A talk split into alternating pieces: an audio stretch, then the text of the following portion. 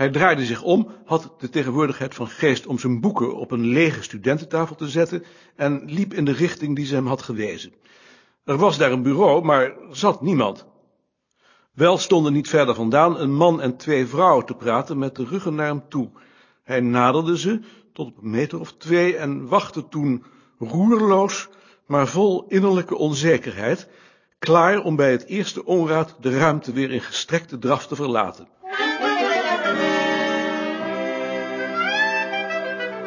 Uit wat hij van hun gesprek opving, begreep hij dat ze overlegden hoe ze de boeken in de kasten zouden rangschikken. Plotseling, als in een toneelstuk, kwam een vierde persoon, een jonge man, van rechtsop. Kan ik u misschien helpen? Uh, uh, dat wil zeggen... Dat zijn incunabelen. Dan moet u niet hier, maar een verdieping hoger zijn. Hier rechtboven? Juist, niet in het nieuwe gebouw dus, maar in het oude. Recht hierboven. Gewoon de trap op. Kennelijk had de medewerker door dat hij met een idioot van doen had, en dat was niet iets om zijn zelfvertrouwen te vergroten.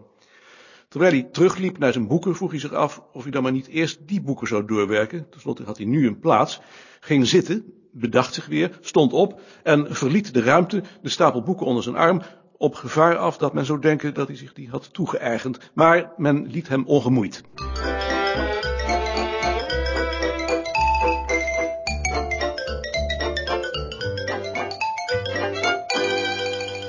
Hij beklom de bakstenen wenteltrap en trof op de volgende verdieping opnieuw een aantal deuren, allemaal voorzien van borden met openings- en sluitingstijden en bepalingen over jassen en tassen die in kluizen moesten.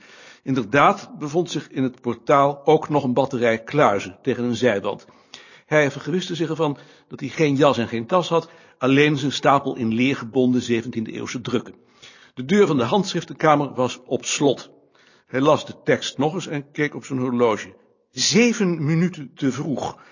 Aarzelend bleef hij staan. Wachten? Niet wachten. De trap af.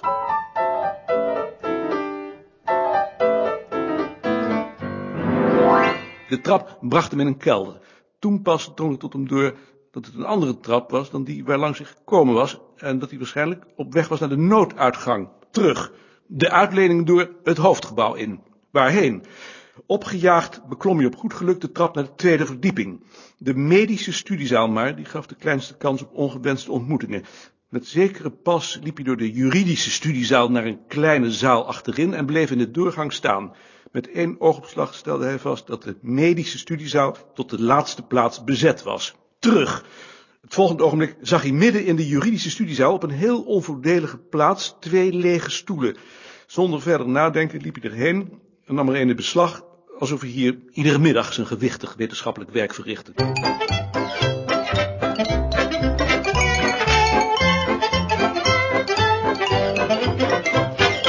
Hij trok zijn jasje uit en monsterde zijn bezit. Het zag er indrukwekkend uit.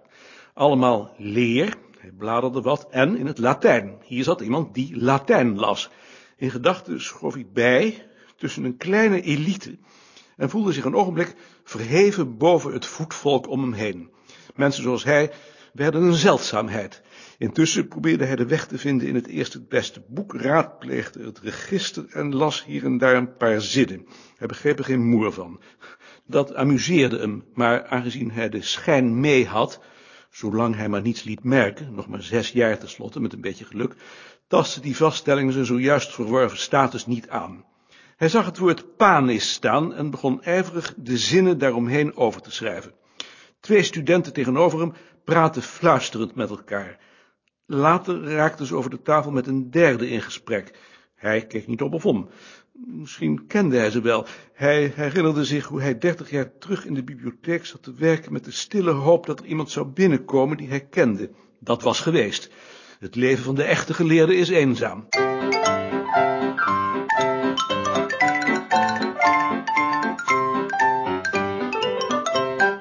Om vier uur had hij zoveel zinnen overgeschreven dat hij vond dat hij de boeken nu wel uit had. Toen hij zijn stapel oppakte, gleed deze uit elkaar over de tafel tot bij het werk van de man tegenover hem.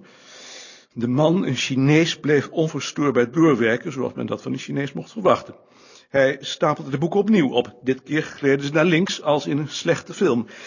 In de loop van de eeuwen was het leer spekglad geworden. Overhaast verliet hij de zaal, zijn armen en handen aan alle kanten om het pakket heen, alsof het een zuigeling bevatte.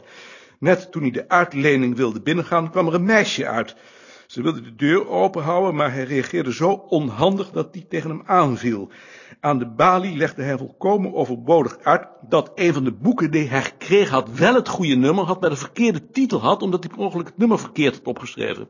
De jongen die hem dit keer hielp, begreep er eerst niets van. Toen glimlachte hij en raadde hem aan om in dat geval het goede nummer aan te vragen. Tuurlijk, ezel die hij was.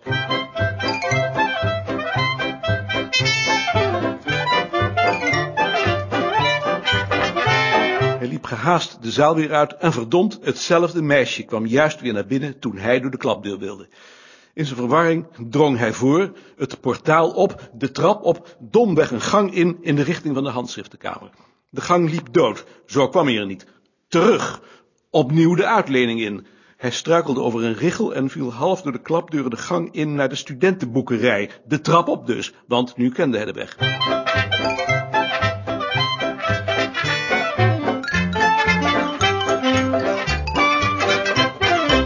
Achter de balie trof hij een uiterst zachte jongen, maar wel een jongen die wist wie hij was, terwijl hij dat zelf door schade en schande nog leren moest.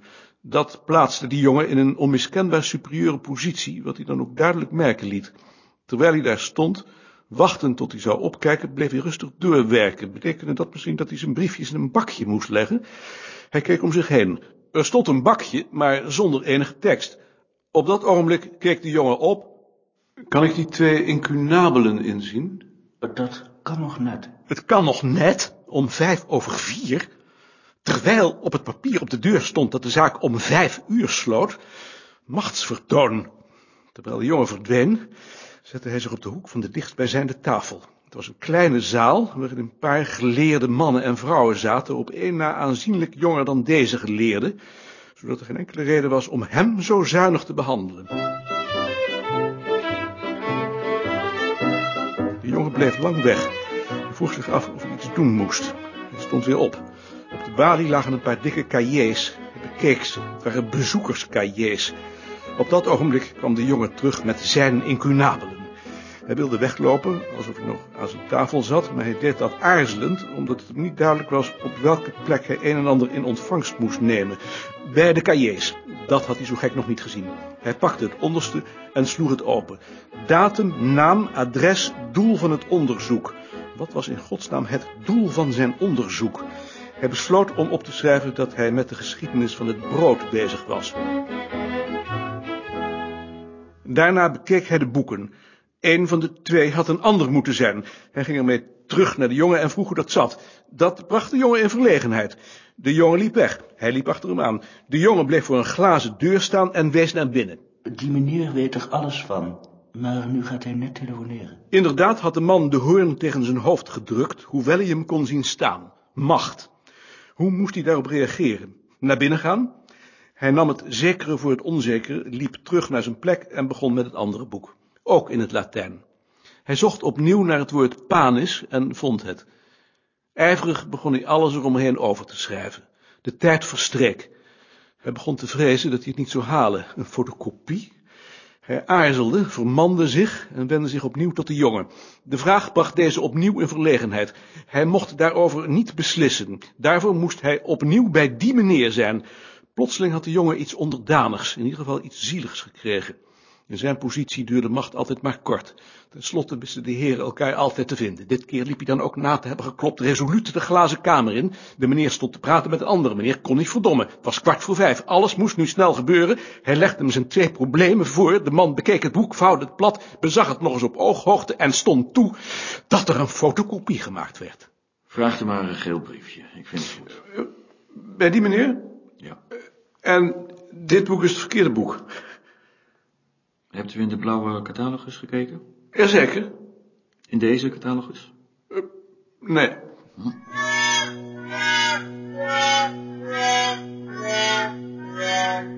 M- Mag ik een geel briefje? U had nog niet ingevuld wat voor kopie u wilt. Een Xerox? Ehm, is, is, is, is dat het eenvoudigst? Ja, dat is het eenvoudigste. Eh, en wanneer... ehm, ehm, O- Over twee weken, denk ik. Kan ik ze dan hier afhalen? Het is de gewoonte dat ze u worden toegestuurd met de rekening. Een hele opluchting.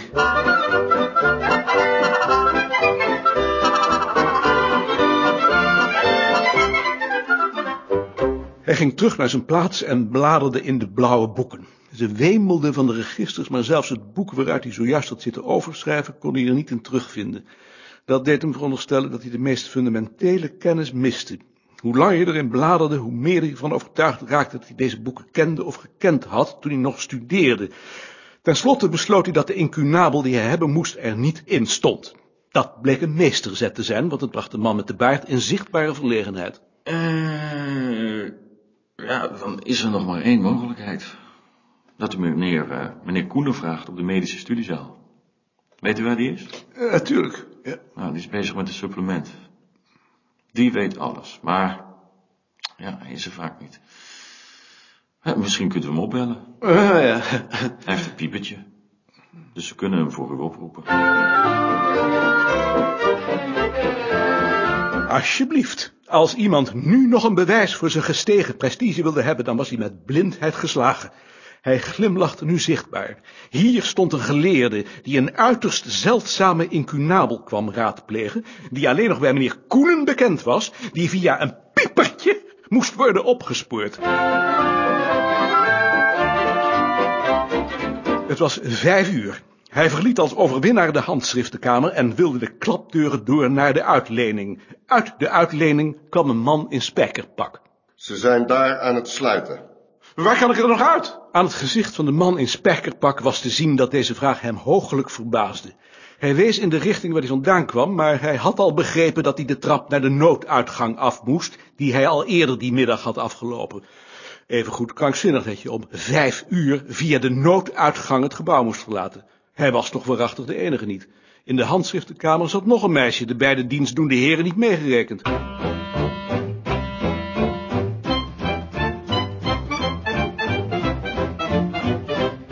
Tot zijn verrassing kwam de trap evenwel uit bij de vestiaire en plotseling begreep hij, zij het wat laat, hoe het gebouw in elkaar zat. Toen hij het door de hoofdingang verliet, zag hij dat het tot 2400 uur open was. Wat ze dan gesloten hadden was hem een raadsel. De enige verklaring die hij kon verzinnen toen hij het spui overstak om de krant te kopen was dat die man in spijkerpak hem belazerd had.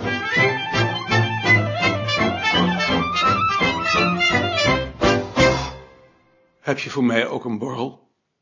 Wat ben je vroeg? Ik ben naar de bibliotheek geweest. Naar de bibliotheek? Wat moest je daar nou doen? Oh, een paar incunabelen inkijken.